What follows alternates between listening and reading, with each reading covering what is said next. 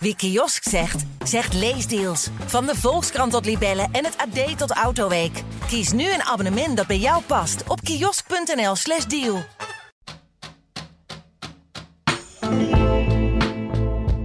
Moord, doodslag, liquidatiepogingen en drugslabs. Ook in Twente gebeuren zaken die het daglicht niet kunnen verdragen. In de Tubantia Crime Podcast bespreek ik, Frank Bussink, samen met misdaadverslaggevers Erwin Waanders en Maarten Schoon de ontwikkelingen in de Twentse onderwereld. Welkom bij een nieuwe aflevering van de Tubantia Crime Podcast. Mocht je klusgeluiden horen op de achtergrond, dat kan kloppen, want er wordt flink in het pand geklust. En ondanks de verbouwing zijn Erwin en Maarten weer aangeschoven om de laatste ontwikkelingen in de Twentse onderwereld met mij te bespreken. Mannen, welkom. Ehm, waar zullen we mee beginnen? Met uh, Jihad Jaffo? Ja, dat lijkt me wel. Ja, dat is natuurlijk een, uh, ja, waar iedereen denk ik uh, in zijn omgeving, maar ook bij de politie rekening mee heeft gehouden en bang voor was.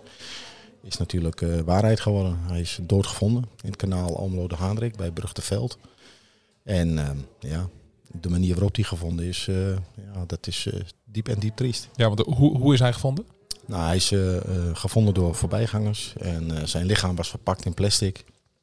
Um, ja, daaruit kun je al snel concluderen dat, uh, dat iemand de hand er heeft, in, in heeft gehad uh, in, in het overlijden van uh, Jihad. Mm -hmm. En dat blijkt nu ook. Hè. De, het is van een vermissingsonderzoek nu naar een moordonderzoek gegaan. Ja, het is bijzonder triest voor met name de, de, de nabestaanden. Ja, want, want neem ons even mee terug naar het begin van... En hij is vermist geraakt in December. December, december vorig jaar. Ja, op de verjaardag van zijn zoon is hij mm -hmm. uh, s'avonds weggegaan. Hij woonde op Dolfia. Daar, uh, hij is samen met een vriend is hij vertrokken. Mm -hmm. um, uh, hij is bij een rotonde uitgestapt omdat hij daar iemand zag die hij nog moest spreken. en dat is eigenlijk het laatste levensteken wat ze van hem hebben gehad. Um, op dezelfde avond is zijn telefoon is aangestraald op een mast in Den Ham. En dat is echt het laatste moment dat er iets van hem is um, ja, vernomen. Althans van zijn telefoon in dit geval. Tot aan het moment dat hij, uh, dat hij is gevonden. Ja, maar hij had ook al een verleden in met uh, drugs. Ja, dat klopt. Um, in het verleden, dat heeft de politie zelf naar buiten gebracht. In het verleden heeft hij um, als drugscourier gewerkt. Hij heeft uh, in zijn woning, en dat was niet in Enschede, maar in uh, Vroomshoop uit mijn hoofd, heeft hij een hennepkwekerij gehad. Toen is hij uit huis gezet door de woningbouwvereniging daar heeft een tijdje in Almelo gewoond en is uiteindelijk in Enschede beland. Ja. En kun je nog iets zeggen over het onderzoek dat nu loopt, of is daar nog heel weinig duidelijk over? Nee, de politie houdt uh, ja, de kaarten voor de borst, zou ik maar zeggen. Uh, nee, ze, ze, staan nu echt aan het begin van, van het moordonderzoek. Uh, zullen ongetwijfeld in het vermissingsonderzoek al wel bepaalde lijnen hebben uitgelopen. En, en wie weet gaan ze daar nu meer verder. kijk, er zal spooronderzoek plaatsvinden op, sowieso op de, op de zak waarin hij is gevonden, op de materialen waarmee het is dichtgeknoopt. Op het lichaam zal sectie zijn verricht. Dus ze, ze zullen ongetwijfeld weten hoe hij aan, uh, aan zijn einde is gekomen. Maar ja, dat is allemaal nog heel prematuur. Mm -hmm. Ja, nou dat gaan we de komende tijd sowieso volgen. Uh, Maarten, jij komt echt net uit Apeldoorn terug. Jij bent daar bij de politie geweest, want die hebben ook een onderzoek gedaan naar cybercrime. Klopt. Ja, ik stap echt net uit de auto, ik net uh, van de A1 afgereden. Um, vorige week werd ik gebeld door uh, de politiewoordvoerder. En die zei, uh, Maarten, wil je woensdag om 9 uur op het bureau zijn in Apeldoorn? Um, ik kan je niet vertellen waar het over gaat, maar het, uh, we, we, hebben een bekendmaking van een uh, groot internationaal cybercrime onderzoek en willen graag dat je erbij bent. Ja, en, en wat hebben ze je vanochtend verteld? Ik kwam daar te zitten aan een tafel met een van de leidinggevenden van de politie Oost-Nederland. Uh, Michel de Roos. Dat is de enige naam die ik wel mag noemen. Want uh, de andere rechercheurs die uh, willen graag anoniem blijven. Omdat ze dus nou, werken in een internationaal cybercrime onderzoek. Het gaat om FluBot. Dat is een soort virus voor je mobiele telefoon. En dat krijg je als je een, een sms'je krijgt bijvoorbeeld van... we hebben u gemist, uw pakketje komt eraan bijvoorbeeld. Mm -hmm. Als je dan op dat linkje zou klikken, dan... er wordt dus nu geboord. En uh, als je op dat linkje klikt, uh, ja, dan kom je dus niet bij de app van uh, PostNL uit, maar dan bij de app van de criminelen. Mm -hmm. Maar dat heb je dus niet door. Maar die nemen dan je hele telefoon over. Ja. En die kunnen dus alles zien. En die, uh, ja, van je wachtwoorden tot je pincodes. Uh, die kunnen kijken met wie je chat en uh, wie er in je contactenlijst staan. Die halen dus alle gegevens van je op. Mm -hmm. um, dat doet Flubot. En ze kunnen ook nog proberen je bankgegevens te kraken. Dat ze je ook nog op je rekening kunnen. En wat ze ermee doen, nou ja, als ze je bank hebben gekraakt, dan hebben ze natuurlijk je geld. Maar waar het hun voornamelijk om te doen is, is om eh, die gegevens bij elkaar te harken. Dat eh, maken ze lijsten van. En die verkopen ze dan weer door op het dark web voor andere criminelen. Ja, en eh, het was een internationaal onderzoek, hè? Ja. En welke landen waren daarbij betrokken? Ehm, elf landen, eh, waaronder dus Nederland, Mhm. de politie in Oost-Nederland, maar dus ook eh, Finland, Hongarije, België, ehm, even kijken, Australië, Nieuw-Zeeland, de Verenigde Staten en nog wat Europese landen. Ja. En dat is ook waar Flubot voornamelijk was. Het, ehm, het, het is nu zo'n twee jaar in de wereld en ja, het heeft echt miljoenen en miljoenen mensen hebben daar een sms'je van gehad in dus verschillende landen, in verschillende talen. Eh, dus de, de regisseur die noemde het ook ja, potentieel levensgevaarlijk. Ja. Eh, omdat het eh, een, ja, een slimme malware is, eh, die zich dus ook aanpast. Ehm, en daarom, omdat ze zagen dat het zo gevaarlijk was en zo snel verspreiden, en ja, heb- wilden ze er iets aan doen. En die regisseur zei ook, ja, eigenlijk willen we gewoon boeven vangen. Mhm. Maar dat is in dit soort zaken heel lastig, omdat het internationaal is, omdat ehm, die cybercrime is ook super anoniem. Het is heel lastig om bij die eh verdachte te komen. En als je eenmaal die verdachte hebt gepakt, bestaat het hele netwerk nog. Dus dan kunnen anderen er gewoon weer inspringen. Maar, maar zijn er dan verdachten opgepakt ook al in het Nee. onderzoek? Nee, Dus het onderzoek loopt nog. het onderzoek loopt nog. En daarom, eh, daarom zei hij van die verdachten zijn heel lastig om bij te komen. Mhm. Wat we dus wilden doen, is dat netwerk verstoren, ver- kapot maken. Dat ze dat niet meer konden gebruiken. En dat is dus wat ze hebben gedaan. Ze hebben in Apeldoorn dus, eh, hebben, ja, tussen de vijf en de tien regisseurs hebben iets heel slims, heel technisch gebouwd. Ehm, en dus ook, ehm, wat dus over de hele wereld is gebruikt in, die, in dat internationale onderzoek, om eh, in dat flubot in te breken. Ze wilden niet de details eh, geven, want nou ja, ze willen dit nog een keertje proberen te doen. Ehm, en ze hebben dus zo dus 10.000 telefoons gered, om zo te zeggen, losgekoppeld eh, van, die, van, het criminele netwerk. Want het waren eigenlijk telefoons nou ja, van jou, van mij, of van Mhm. je tante in Duitsland of van iemand in Nieuw-Zeeland. Die wist niet dat hij besmet was.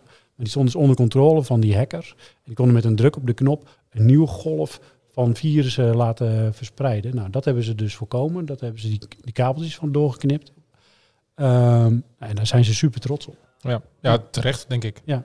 Dus eh, zeker omdat het ook een internationale samenwerking is om, Ja. en echt een, een heel groot netwerk beslaat. Ja. ja.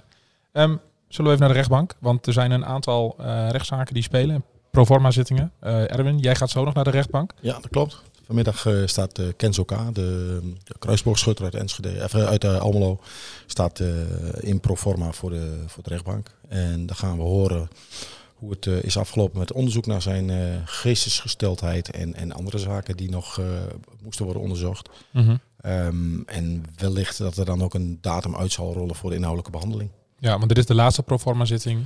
Verwacht jij? Dat zou kunnen. Gezien de, de vorige zitting, uh, toen waren er nog een aantal uh, onderzoeken die nog plaats moesten vinden.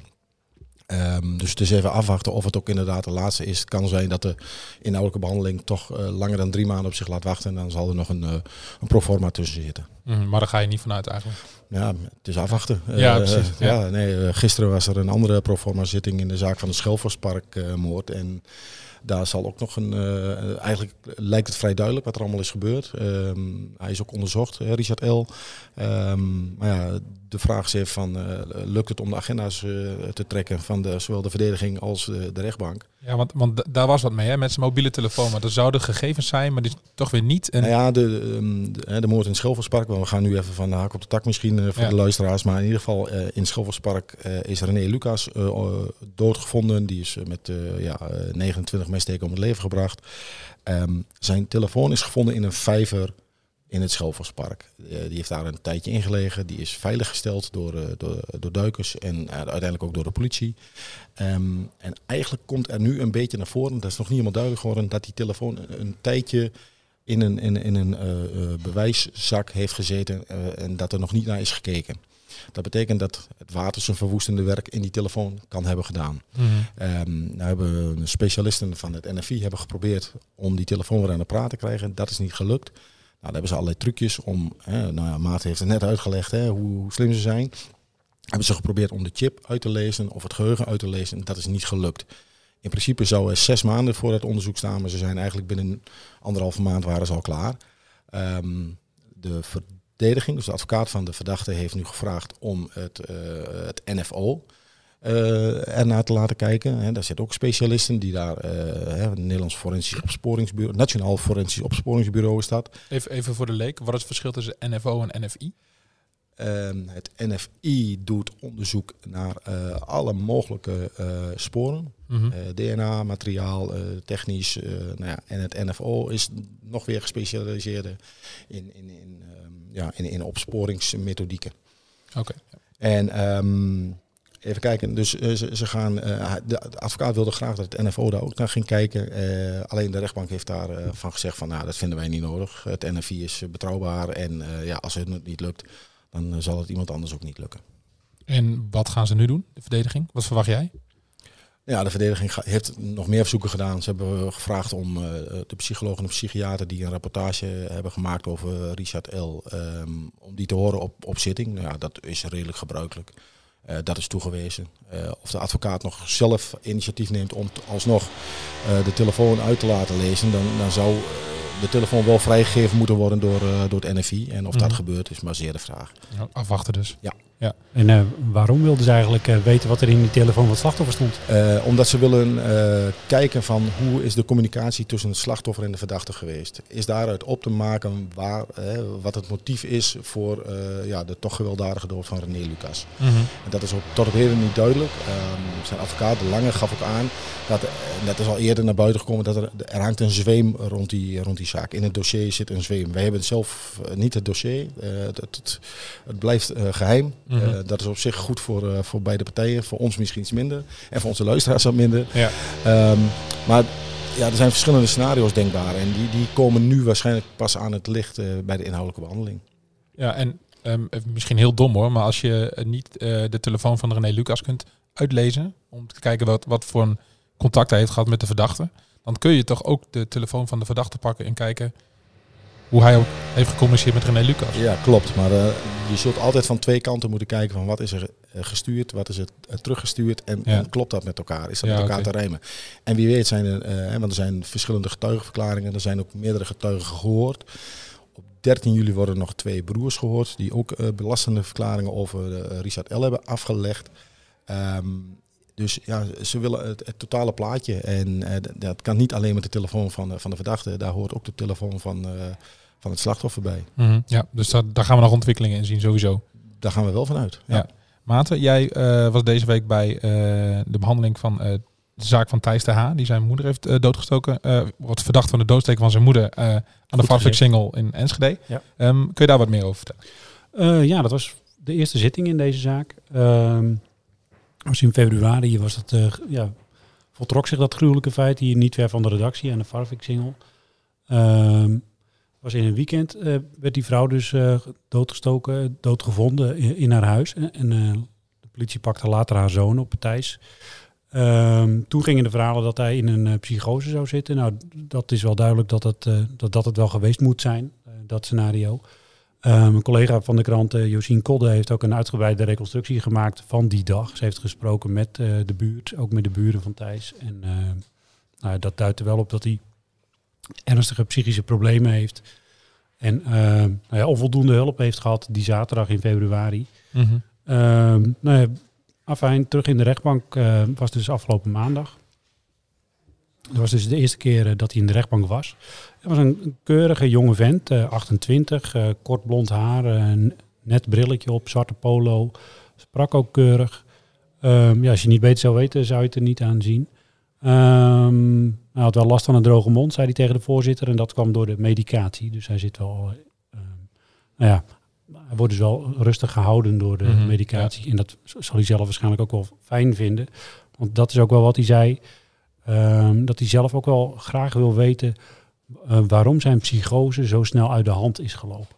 Ja, want hij heeft ook iets gezegd in de rechtbank en dat kwam eigenlijk best wel binnen van hij mist zijn moeder eigenlijk nog iedere dag. Ja, klopt. Dat, dat zei hij inderdaad. Hij, hij weet ook, daarom zei hij ook van hij wil graag weten wat er gebeurd is. Hij, hij, weet zelf niet meer wat er gebeurd is, namelijk. Hij zegt dat hij dat zelf niet meer kan herinneren. Um, ja, en hij mist dus inderdaad zijn moeder nog iedere dag. Ze woonden op ja, 500 meter van elkaar. Ze zagen elkaar vaak. Um, dus ja, dit was denk ik dus voor Thijs ook schrikken dat zijn moeder was overleden. Mhm. Zijn eh, zus of zusje was ook in de rechtbank, Judith. En eh, ja, dat, volgens mij is de verstandhouding tussen die twee ook nog steeds goed. Ja. Dus dat ja, was bijzonder. Ja. En hoe gaat het nu verder in die zaak? Nou, dit was dus de eerste voorbereidende zitting. Ehm, ze verwachten dat deze zaak in principe vrij snel eh, tot een inhoudelijke behandeling kan komen. Mhm. Ze denken dat ze in augustus nog een proforma-zitting eh, nodig hebben en dan al vrij snel een inhoudelijke behandeling in september of oktober. Ehm, er lopen nog wat onderzoeken. Er is een forensisch onderzoek verwacht, dat is eind deze maand eh, klaar. Dus dan kijken ze echt naar sporen, Ja. DNA en bloed, noem het maar. Ehm, en tactische onderzoek is dat ook. Ehm, en er is nog een psychiatrisch onderzoek eh, van Thijs zelf, door een psychiater en een psycholoog. Dat is naar verwachting eh, begin juli klaar. Dus ja, dat eh, klaar om te gaan is deze zaak denk ik bijna wel. Mhm. En, maar goed, dat, de advocaat en de officier zeiden dat ook. Maar ja, het is goed voor alle partijen dat deze zaak snel inhoudelijk behandeld kan worden. Ja. Ja, dus die is, ja.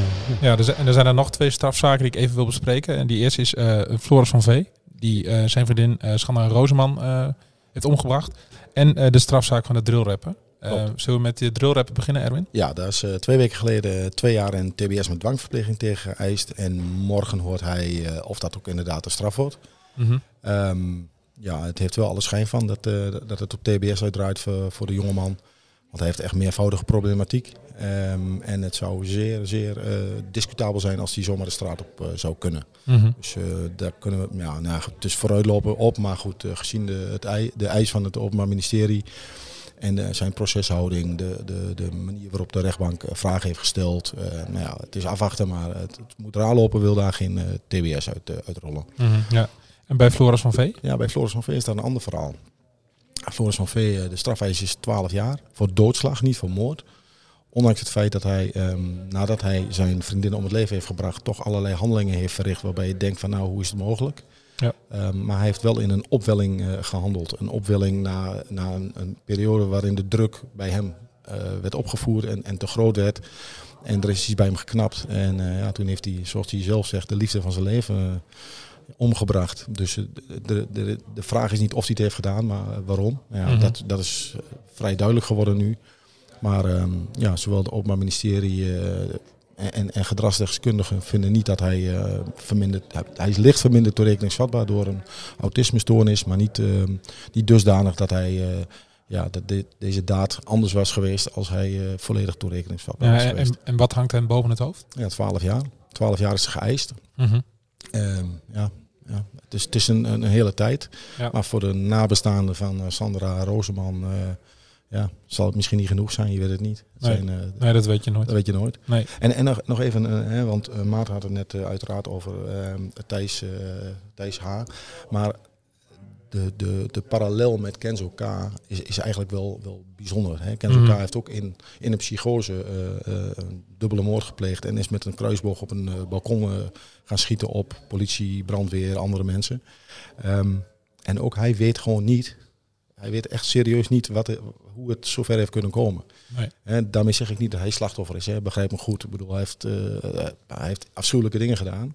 Ja. En dat zal ook iedereen beamen. Alleen de parallel zit er wel in van eh, waarom heeft, eh, hebben die jongens niet de hulp gekregen die ze misschien nodig hadden. Eh, nou ja, dat, dat zullen onderzoeken gaan uitwijzen in de toekomst. Maar Mhm. het is wel een, ja, een wrange parallel, zeg maar. Ja, dan kom je echt uit in een discussie over eh, eh, bezuiniging op GGZ en dat soort, dat soort zaken. Ja. Ja. Ja. Ja, De gemeente Almelo had nog een onderzoek toegezegd, geloof ik. Want eh, na, na, na, na aanleiding van de zaak van de balkon, ehm, ehm, eh, Schutter en, en de kofferbak. eh, Ja, dat was. Eh, ja, de, eh, burgemeester Arjen Gerrits heeft toen opgeroepen dat eh, de onderste steen boven moest komen. ja. Ehm, ja, of dat onderzoek inmiddels heeft plaatsgevonden of dat het nog moet eh, gebeuren, omdat ze eerst eh, ja, de justitiële kant eh, af willen wachten, de juridische kant. Mhm. Dat, eh, dat is even, eh, even de vraag, maar goed. Ja. Ik ben wel benieuwd naar die onderste steen. Ehm, ja, dat eh, lijkt me een hele interessante. Ja, maar die laat nog wel even op zich wachten, denk ik. Daar kunnen we wel van uitgaan. Ja. Hadden jullie nog andere zaken hier? Of eh, was dit het voor vandaag? Dat was hem voor vandaag. Dat was hem. Dan wil ik jullie bedanken. Graag gedaan. Vond je deze aflevering nou leuk? Abonneer je dan op de podcast. En heb je tips of vragen naar aanleiding van deze aflevering? Check dan het mailadres in de beschrijving. Bedankt voor het luisteren en tot de volgende keer.